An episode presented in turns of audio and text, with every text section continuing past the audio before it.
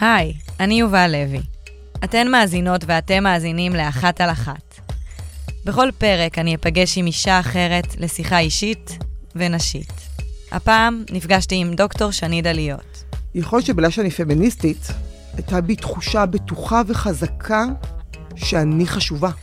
שני היא חוקרת במשרה מלאה, ואימא במשרה עוד יותר מלאה. אני חושבת שאני פשוט שלמה עם ההגדרה הזאת, יותר. בשביל להגיע למקום שבו היא נמצאת היום, היא עברה לא מעט שלבים בחיים. בשום שלב לא הרגשתי שכאילו אומרים לי, את לא אמורה, את מבוגרת מדי. זה היה שלי, זה היה פנימי. והיא המשיכה ללכת בדרך שלה.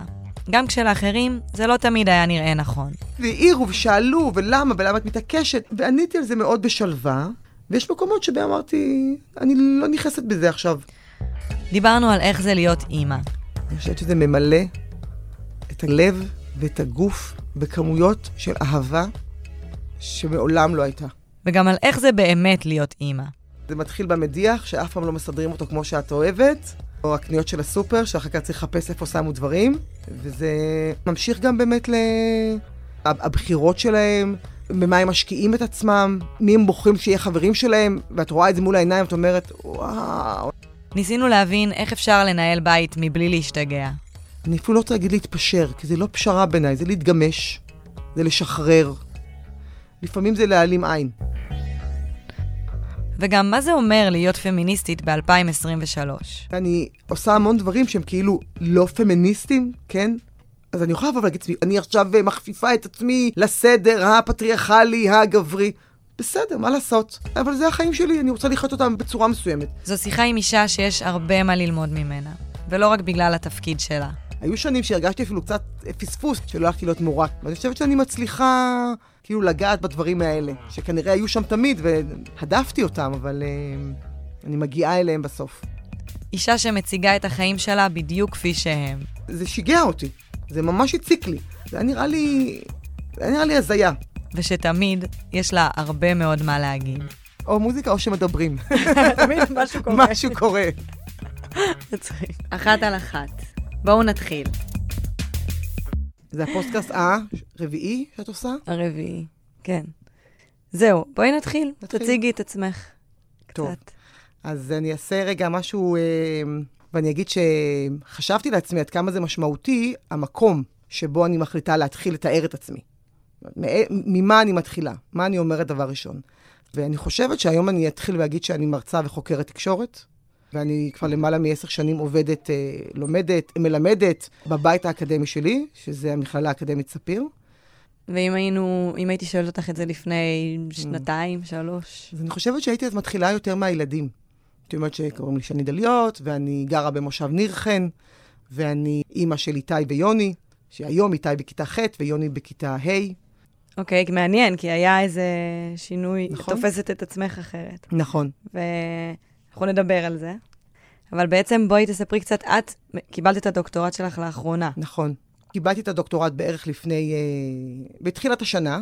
זה אומר שהמסע נגמר, אה, כן, וזה לקח לי פחות או יותר כמעט שש שנים. המחקר שלי מתעסק בסמארטפונים, ובאופן שבו המדיה הניידים, איך השימוש בהם והנוכחות שלהם אה, משליכה, מתערבת אה, ביחסים בתוך המשפחה, ובפרט בין הורים לילדים צעירים. שזה לא, שוב, לוקח אותנו נכון. לש, למעבר הזה מלהיות אימא, להיות uh, אימא חוקרת, נכון. וללהיות חוקרת. נכון, כאילו. ממש. אמרת את זה יפה, מאימא לאימא חוקרת, שזה היה משהו מאוד דומיננטי בחיים. אני אומרת הרבה פעמים, זאת אומרת, אני כמובן אימא, אבל אני חוקרת. אני חושבת שאני פשוט שלמה עם ההגדרה הזאת, יותר. מה היה התהליך שהיית צריכה לעבור בשביל להיות שלמה איתה? אני חושבת שבהגשת הדוקטורט זה סוג של אה, אישור. זה סוג של אישור למשהו שאני הרגשתי אותו, אבל uh, אתה, בכל זאת אתה, אתה, אתה זקוק בעצם לאפרובל, כן, של מישהו אחר. אתה צריך את החותמת. נכון, כן. נכון. אז, אז כן, גם זה. את מקבלת את הדוקטורט בעצם בגיל 45, כמעט, נכון? אני, אני עוד חצי שנה בת 45, נכון. זה מהר, זה לאט, זה מוקדם, זה מאוחר? תראי, אני יכולה להגיד שאני, אני לא זוכרת בדיוק איזה שנה זה היה, אבל נראה לי 2015, התחלתי את התהליך עם עצמי, ואמרתי לעצמי, אם אני עד סוף השנה, זאת אומרת, אם אני באוקטובר 2015 לא נרשמת, שאני כבר בת 36, אני, אני לא מתחילה. אומרת, היה לי ברור ביני לביני שאני לא רוצה לעשות את זה בגיל מאוחר מדי. ובעצם את מגיעה, מתחילה בגיל 36 כמעט, כי מה קורה בחיים עד אז? אני בזוגיות עם עופר, בן זוגי, ונולדו לנו שני בנים, ואני חושבת שבעיקר היה לי חשוב מאוד מאוד, הייתי מוכוונת מאוד לפרנסה. הייתי מוכוונת ללעבוד. אני גם חושבת שהיה לי אה, סוג של חוסר ביטחון. זאת אומרת, האם אני באמת יכולה לעשות עכשיו את הדבר הזה? כי כולם אומרים תמיד, זה מאוד קשה, וזה תהליך ארוך. אה, גם, וגם אולי זה היה איזה שלב בחיים של uh, הישרדות כזה, של אני עכשיו מוכוון ל- לפרנס את המשפחה שלי, ל- להקים את המשפחה נכון. שלי, וברגע שיהיה בסיס מספיק יציב, אני... נכון. ואני הרגשתי אז שזה מאוד פנימי. זאת אומרת, זה היה שלי, זה היה פנימי. גם החשש וההתלבטות, וגם תחושה שאני נמצאת עכשיו באיזשהו רגע שאני צריכה להקים uh, משפחה, שאני רוצה גם לחיות עם המשפחה. אני רוצה להיות שמה. זה מרגיש אחרת בתור uh, אישה לעשות את הצעדים האלה? אני מניחה שזה מרגיש, הצעדים האלה הם באמת שונים לכל אחד. זה צריך להיות, להיות באיזשהו state of mind שאתה אומר, אוקיי, אני עכשיו משקיע את עצמי בדבר הזה, אני זקוק לתואר הזה מאיזושהי סיבה, וכאישה, כן, אני רק אתן את הדוגמה אולי הכי אה, פשוטה, ברגע שהבנתי שאני יוצאת ללימודי דוקטורט, היה לי ילד בן שלוש. זה ילד קטן. אז היה לי ברור ש, שכל הבית צריך להיערך לשינוי. נערכנו לשינוי הזה, בשום שלב לא... אבל זה, כן, הייתי צריכה להכווין את עצמי לשינוי עמוק, אה, באיזשהו סוג, בדפוסים קיימים שהיו בתוך הבית. למשל, שאני זאת שבבוקר פחות או יותר כמעט תמיד מארגנת את הילדים לצאת. ופתאום אני יוצאת פעם או פעמיים בשבוע מאוד מוקדם, פתאום אני נוסעת לכנסים. זה לא היה. ואני באמת אומרת, הבית והמשפחה, וגם המורחבת, אה, מאוד נערכה, אה, נשאבה לתוך זה, איתי. אבל זה מעניין אותי, אני עוד לא אימא, אבל זה, אני כן רואה שהצעדים שאני עושה, תמיד יש לי איפשהו במאחורה של הראש את המחשבה של אם אני בוחרת במסלול הזה, כמה פניות תהיה לי בתור אימא לגדל את הילדים שלי, וכמה נוכחת אני אהיה, ואני יודעת שאני רוצה בזה, אבל מצד שני אתה גם רוצה בדבר ה, ה, שאתה משקיע בו עכשיו, אתה עוד לא יודע מה יהיה. אז אני תוהה אם, אם, אם זה משהו שגם את הרגשת בעצמך, כאילו, אם כל אישה מרגישה את זה, כי, כי זה כן בסוף, אם אני ארצה או לא ארצה, אני, זה לא, אני לא יכולה להתעלם מזה. Mm-hmm. כאילו, אני בוחרת לעשות צעדים לפי, בסוף לפי זה. יכול להיות שבגלל שאני פמיניסטית, אז התשובה שלי היא שהייתה בי תחושה בטוחה וחזקה שאני חשובה. שאם החלטתי שאני רוצה להמשיך ללמוד, והיה לי ברצ... בי רצון אז לעשות את זה. והיה לי ברור ש... שזה חשוב מאוד, וזה חשוב ולא פחות, אם לא יותר, מהתפקידים האחרים שלי, או הדברים האחרים שבי, וגם אולי קצת אה, נדוש ככל שזה יישמע. אני אדם מאושר, אדם שלם, אדם אה, שנמצא במקום של הגשמה עצמית, הוא גם אה, חבר, בן זוג, הורה טוב יותר. אני חושבת שאני גדלתי בבית שהיה בו הרבה מאוד אה, דגש על אה, לחלום, לא במובן התשיגי, אלא במובן של מה את רוצה, לאן את שואפת. אם כבר אנחנו נוגעות בבית, אז אה, תספרי קצת על, ה, על הבית שגדלת בו. אה, טוב, אז אני גדלתי בתל אביב. אימא שלי הייתה מורה וגננת, ובעצם בשלב מסוים היא החליטה שהיא עושה שינוי מאוד גדול, הלכה ללמוד במכון אדלר. אני הייתי אז בתיכון. זאת אומרת, היא במשך ארבע שנים עבדה בבקרים, כי צריך להמשיך לעבוד, והלכה ללמוד בערב. זה מאוד יכול להיות שזה אה. מודל אה, שנחרט, מודל שראיתי אותו. ואז סיימה מכון אדלר, והתגלגלו העניינים, והיא בעצם הפכה להיות אישה מאוד מאוד מפורסמת היום, אני יודעת מאוד, כן, סוג של מאוד מפורסמת, אז מיכל דליות. וזה מצחיק, כי את אני רואה מה שאני מתעסקת איתו היום, אמנם במחקר ומהיבטים ככה של תקשורת, טכנולוגיה, וזה מאוד uh, מתכתב איתה. שזה מעניין, אני תוהה גם לגבי מה שאמרת, על זה שהיה לך איזה דמות אם שהלכה ולמדה, וזה משהו שמבחינתך הוא רגיל שהוא קורה. נכון. אה, וגם התחום של אימא שלך שהיא מתעסקת בו, שזה הורות והדרכת הורים, שבסוף באיזשהו מקום את בחרת במחקר שלך גם להתעסק נכון. בהורים. נכון. ובהורות, ומעניין אותי אם זה, פוג, זה פוגש אחד את השני, או שזה כזה אקראי לחלוטין. זאת באמת שאלה טובה. אני יכולה להגיד לך שכשנרשמתי לתואר ראשון, היה לי ברור שאני לא לומדת לא חינוך, ו- ולא פסיכולוגיה, ולא, אה, אה, לא יודעת, אה, טיפול. היה לי ברור שאני לא עושה את זה, ועם השנים, זאת אומרת, זה איזושהי סגירת מעגל. אני חושבת שאני מצליחה בבחירות שלי, אה, האקדמיות, המחקריות, המשפחתיות, כאילו לגעת בדברים האלה, שכנראה היו שם תמיד, ואת יודעת, הדפתי אותם, אבל uh, אני מגיעה אליהם בסוף. זה מעניין, כי בסוף אז uh, יש איזו מחשבה שבאמת האימא שאת גדלה אליה, אין דרך להימנע מזה ולהפוך להיות איזו דמות ש... שגדלנו אליה. אתה גם רוצה לבדל את עצמך. ב... נכון. בדיוק, מה אני אהיה כמו מה שאימא שלי עושה? אני אלך דווקא... נכון. ובסוף, נכון. לפעמים, הדרכים האלה באמת אה, מצטלבות. בעצם יש לך שני בנים. כן, ילדתי את, את איתי, שהוא הבן הבכור, בגיל 31. אז הטייטל של אימא הוא כבר מלווה אותך אה, הרבה הרבה זמן. נכון, בלי לשים לב, יש לי ילד בן 13 וחצי. זה גדול. זה גדול, כן. ואיך את תופסת את זה, את כל הדבר הזה שנקרא אימהות? כאילו... אני חושבת שהדור ש... שלנו, אנחנו הורים טיפה יותר מבוגרים. מבוגרים בגיל, בגיל, אבל... בגיל, כן. ודווקא מתוך זה, זה מאפשר יותר קרבה לילדים שלנו, נראה לי. כי אנחנו פחות מתרגשים, פחות לחוצים, אנחנו הרבה יותר, אה, מה שאומרים, זורמים. אני חושבת שלילדים נעים בתוך זה. זאת אומרת, הבית, אפרופו טכנולוגיה למשל, יש פחות דברים שמייצרים אה, שונות אה, מובחנת חזקה בין קבוצת הילדים לקבוצת ההורים. אנחנו, יש לנו קבוצת וואטסאפ ביחד. אז מבחינת הילדים, המכנה המשותף איתנו הוא בעצם רחב מאוד. אנחנו יכולים לשבת ביחד ולראות סרט שהוא מהנה למבוגרים ולילדים באותה מידה. אז דווקא הטכנולוגיה והשינוי של התקשורת, של התכנים התקשורתיים... יוצרים מכנה מטש... משותף. נכון, הם מטשטשים גבולות ויוצרים מכנה משותף. מעניין. אבל uh, לצד כל הטוב, יש הרבה רגשות אשם שמלווים הורים. איך מתמודדים עם זה? כאילו, אפשר להשתיק את זה? אפשר ל- לחיות לצד זה? אני מניחה שכמו עם כל רגשות אשם שיש לאנשים ב... לאורך החיים, אז משתיקים קצת, מתמודדים עם קצת, אה, מטפלים בקצת, חלק מתפוגג. לי היו רגשות אשם אה, מאוד אה, עם הבן הבכור שלי, בתקופה מסוימת שהוא עבר, היה לו מאוד קשה בבית ספר, ומאוד מאוד מאתגר, גם לימודית, וזה גם השליך על ההתנהגות שלו. אז... והייתי מאוד קשה איתו.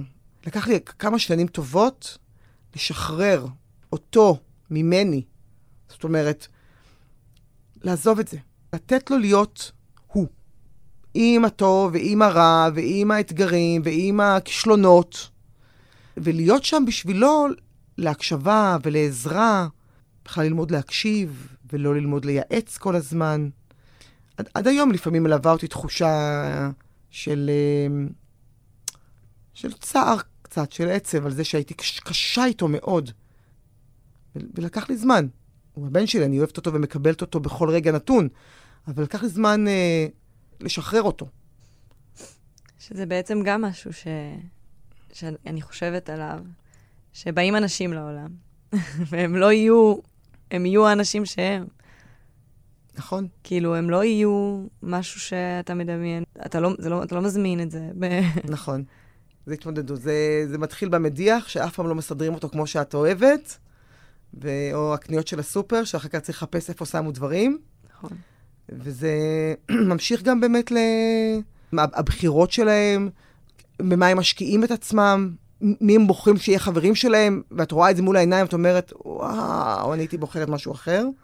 וזה ממשיך כמובן בזוגיות, אה, לחינוך המשותף של הילדים, להתנהלות פיננסית. כל דבר כזה, את צריכה לעשות אותו עם מישהו. ואני חושבת שבשביל להצליח בזוגיות, בשביל להצליח במשפחה, בחינוך. צריך להיות מידה מאוד גבוהה, או הרבה נכונות אה, להקשיב. אני אפילו לא רוצה להגיד להתפשר, כי זה לא פשרה בעיניי, זה להתגמש, זה לשחרר. לפעמים זה להעלים עין. זה לא, זה לא פה עכשיו. ומהר מאוד, כשאת עושה את זה, את השחרור ואת העלמת עין הקטנה, אז הדברים מפריעים פחות. כי את ראית שזה היה, וזה נעלם, ולא קרה שום דבר.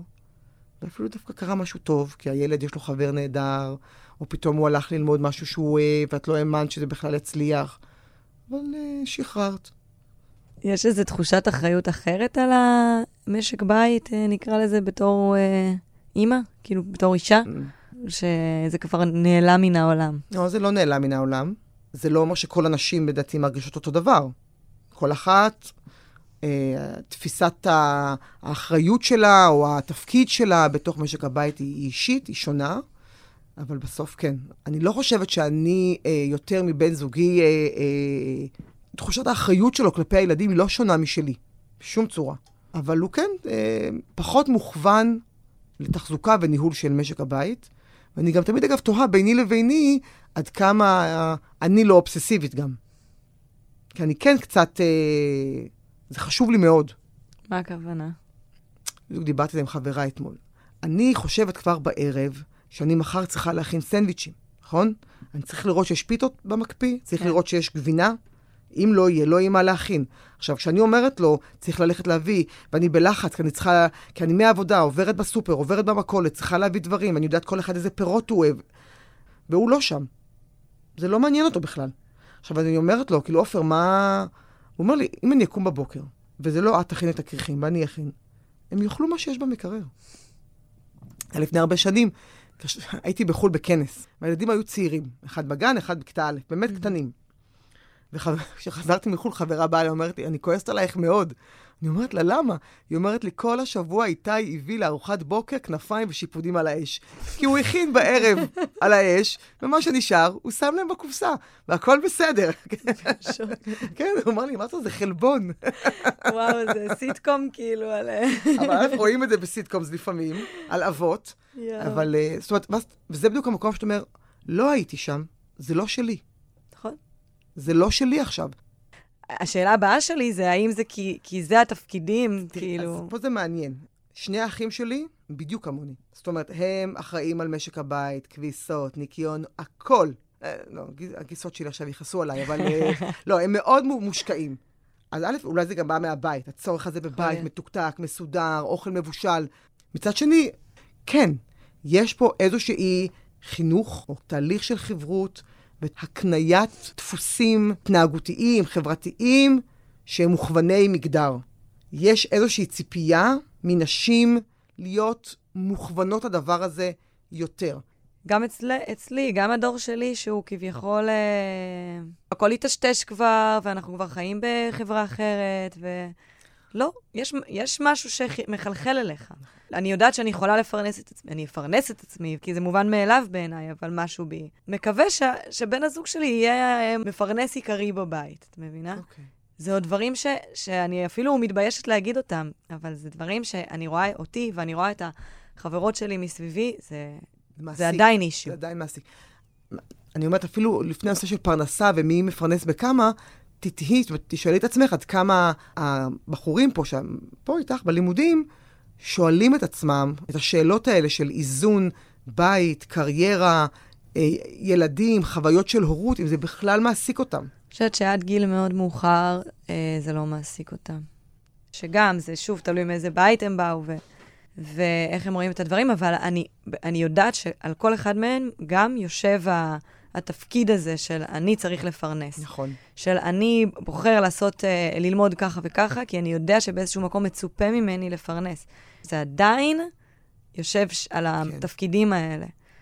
אני חושבת שהשונות, או הרצון הזה, ש... נגיד של גברים, שיש עליהם אה, אה, את עול הפרנסה, זה דווקא מגיע עם הילדים. זאת אומרת, כשנולדים ילדים, פתאום כן. יש תחושה, אני דואג למישהו. אני לא יכול להרשות לעצמי אה, לאבד פה... מעניין. כן. זה באמת תלוי, תלוי תא משפחתי, תלוי זוגיות, תלוי הפשרות. ההתגמשויות. ההתגמשויות שעושים רוב החברים שלנו לאורך השנים, כמעט תמיד, אם לא בילד הראשון, אז לפעמים בילד השני, דווקא, כאילו, הבת זוג לקחה שנייה הערכה של חופשת הלידה. זה, כן, אני הרבה, הרבה מתעסקת כזה עם עצמי בשאלה של, uh, כאילו, מה זה אומר היום להיות אישה פמיניסטית? כאילו, אני מגדירה את עצמי פמיניסטית, אבל אני כן הרבה פעמים אהנה כביכול מזה שאני אישה, וארשה לעצמי לעשות דברים מסוימים, כי... Mm. את מבינה? כאילו פחות לדאוג לדברים מסוימים, כן, או פחות... כן, כי יש לי את הלגיטימציה באיזשהו מקום לעשות את זה, או... ואני תוהה על עצמי, זה פמיניסטי, זה לא... מה זה אומר, כאילו, מה זה להיות פמיניסטית בכלל היום? אני חושבת שהפמיניזם, בעיניי או מבחינתי, הוא בכך שאני, אה, ועל זה אומרים לי לפעמים שאני קצת נודניקית, כן?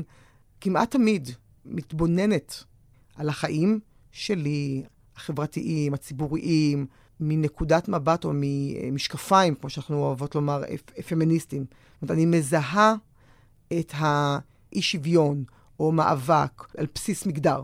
ומה את רואה את זה? אני, אני אגיד לך, אני, דווקא בהקשר הזה, כשאת אומרת שאת בוחרת לפעמים בנשיות, זה לא לא פמיניסטי בעיניי, כי זה כן, כן עדיין שומר אה, על איזושהי צלילות מחשבתית, או על המשקפיים האלה. זאת אומרת, אני, אני רואה פה את, ה, את, את ההיבט המגדרי, אני בוחרת רגע לתת פחות דגש, יותר דגש, אה, זה משהו שאני מקפידה לעשות אותו כפמיניסטית, ולא אתן לו מקום אף פעם לאפליה בוטה, כן. לפגיעה בזכויות לש... וכולי, ובמקום הזה אני משחררת קצת. כי באיזשהו מקום גם קצת מפחיד אותי להסתכל על כל העולם במשקפיים כאלה, של... אה, שאני אגיע למקום עבודה ויהיה לי mm. בראש, אה, אני אישה, אולי לא יקבלו אותי, אה, אולי אני ארוויח פחות, אולי יעריכו את הדעה שלי פחות. אני מפחדת אפילו לראות כן. ככה את הדברים, כי זה יגרום לי להרגיש שאני פחות מסוגלת, פחות יכולה. כן, מעלה נקודה מאוד חשובה. זאת אומרת, עד כמה אני צובעת את המציאות בתוך הד... בצבעים האלה של מגדר, ואין כן. לי תשובה אולי קצת מציקה, אין לי תשובה מאוד טובה, אבל להגיד שעם. השנים נוצר איזשהו איזון. זאת אומרת, את uh, יודעת להפריד בין הפוליטי לאישי, על אף שהאישי הוא פוליטי והפוליטי הוא אישי. למה אנחנו כפמיניסטיות אומרות שהאישי הוא פוליטי? כי, כי כשיש אלימות בבית, את לא חייבה להגיד, טוב, זה בית שלה, זה אישי, אנחנו לא מתערבות שם. לא. זה, זה פוליטי, כי זה תוצר של uh, תפיסה חברתית, שלצערנו יש גברים שחושבים שמותר להם. אבל יש גם את המקום שאת אומרת, אני שומרת על עצמי. זאת אומרת, אני לא רוצה כל דבר, כל הזמן, לראות ולהתעסק מתוך המקום הזה. כן. אני רואה אצלך, וזה גם משהו שבתור uh, סטודנטית שלך עוד זה קצת, זה עשה לי מחשבות, שא', את לא קוראת לבן זוגך בעלך. כן. שזו בחירה שלי, מרגיש שיש בה איזו אמירה. וגם לא סיפחת אלייך את שם המשפחה שלך. נכון. וזה מעניין אותי לשמוע גם באופן אישי וגם באופן אה, פוליטי. אז הנה דוגמה למשל, אישי ופוליטי. אני זוכרת שכשהתחתנו, באותה תקופה היו עוד כמה זוגות סביבנו, זה היה מין, כל החבר'ה התחתנו. וזוכרת שדיברתי מלא עם כולן, וכולן אמרו לי שהן באופן אוטומטי מחליפות את שם המשפחה, בטח, אני לוקחת את השם של זה, אני, לא, אני לוקחת את השם. עכשיו, זה היה, עופר ואני התחתנו ב-2008, וב-2007 הגשתי את התזה. ובתזה רשום שאני דליות. ואני זוכרת שאמרתי, אפרופו דיברנו על זה גם בהתחלה, על תחושת המסוגלות. אמרתי, כאילו, מה זה? אני, אני אדם. יש בן אדם כזה, קוראים לו שני דליות. הוא הגיש עכשיו תזה. מה זה עכשיו אני מוחקת אותה? אני, אני, מה זה? אני לא הבנתי. נכון. מה זאת אומרת אני מחליפה לו את השם? אבל זה הוא, זה הבן אדם, זה השם שלו. זה היה... זה, זה, זה כאילו, זה, זה שיגע אותי. מה זאת אומרת אה, להחליף את השם? ומה זאת אומרת, אה, להתח... מה זאת אומרת בעלי? מה, יש לו בעלות עליי? לא רוצה את המילה הזאת, היא לא אוהבת אותה. זה ממש הציק לי. זה נראה לי הזיה. והייתי מתקנת ומתקנת. בשלב מסוים שאלו אותי, אז מה יהיה עם הילדים? מה באמת? אז פה תראי סיפור. אני החלטתי שאין לי כוח לסרבול הזה, ושזה בעיניי לא הרגיש לי קריטי, והם קיבלו את השם של עופר. ממש מטעמים של נוחות, והבן הצעיר שלי מאוד כועס שהוא לא דליות. מה הוא אומר? הוא לא, הוא בכלל, הוא, כששואלים אותו איך קוראים לך, קוראים לי יוני וגר דליות. וזה מבחינתי הפמיניזם. שאתה בעצם מנחיל בתוך היום-יום תפיסות, ואני עושה המון דברים שהם כאילו לא פמיניסטים, כן? אני הולכת לקוסמטיקאית, אני, אני לא חושבת שזה קשור. זאת אומרת, זאת אומרת ההתעסקות במשקל, ובמראה חיצוני, אה, ובגיל, בהתבגרות, זקנה, אז אתה יודע, יש את המקומות שבהם אני אומרת, זה מפריע לי. מפריע לי שיער גוף, אני יודעת מה, מפריע לי משקל, שכן, אני רוצה להתלבש באיזשהם קודים מסוימים, אוקיי? אז אני יכולה לבוא ולהגיד לעצמי, אוי, אבל זה נורא לא פמיניסטי, כי זה בדיוק, אני עכשיו משתיקה את הכל, אני עכשיו מכפיפה את עצמי לסדר הפטריארכלי, הגברי. בסדר, מה לעשות? אבל, אבל זה החיים שלי, אני רוצה לחיות אותם בצורה מסוימת. בסוף אני גם רוצה לקום, להסתכל במראה ולהיות מבסוטית, נכון? נכון. אז, אז, אז אתה עושה את, ה, את ההתגמשויות האלה. נכון. אתה מעלים עין על דברים מסוימים, נכון? בדיוק כמו שאמרתי מקודם. זה נעים לי לשמוע את זה, כי זה... שזה כן פמיניסטי, גם לעשות את הדברים האלה. כאילו, אני בוחרת איפה אני שמה את הדגש ואיפה אני לא. אה, ואני חושבת שזה חשוב לזכור שאנחנו עדיין בתוך uh, מציאות ש... אני חושבת שמרבית הנשים, הרבה נשים בעולם בוודאי, אה, מדוכאות. נכון. לא, זה לא ש... אנחנו על מי מנוחות. זה לא, כאילו שהגענו לאיזה כן. מקום שאפשר אה, לשלב ידיים. ממש לא. כאילו, באמת ממש לא. אבל uh, עצם זה שאנחנו יודעות לדבר על זה היום, של אני אראה בצורה מסוימת, כי ככה מצופה ממני, או ככה לא מצופה ממני, זה, עצם זה שזה כבר הגיע למקום שהוא מודע, זה פמיניסטי בעיניי, נכון. כאילו. אני כאילו- רואה את זה מאוד הסטודנטיות בשנים האחרונות, על קודים של אה, לבוש וקודים של, אה, של נראות הרבה יותר משוחרר. הרבה יותר. הרבה יותר, שמאפשרות לעצמן להיות במקום שנוח להן, עם הלבוש שנוח להן, נכון. עם ה... כן, נכון. כן. שאני, אני כאילו באופן אישי לומדת ממך, ועכשיו גם למדתי ממך המון, ואני אוהבת את הגישה. תודה. גם הגישה למה זה להיות אישה, ומה זה להיות אימא, ומה זה להיות... אה, הדברים האלה מחלחלים, וזה בדיוק מה שאת אומרת, על לעשות את זה ב- במרחב האישי שלי. אז תודה על זה, ותודה על זה שהגעת לפה, זה בכלל לא מובן מאליו. תודה שהזמנת, ממש. היה גם בשבילי אה, גם אה, לחשוב לקראת ההקלטה, וגם אה, במהלך השיחה שלנו לחשוב על מה שאני עונה, ו... כן, זה עושה... לא עושה, זה רפל- אחרת. רפלקציה. תודה רבה, יובל. עד כאן בינתיים. תודה לכם ולכן שהאזנתם לאחת על אחת. אני יובל לוי, ואנחנו ניפגש בפרק הבא לשיחה אישית ונשית.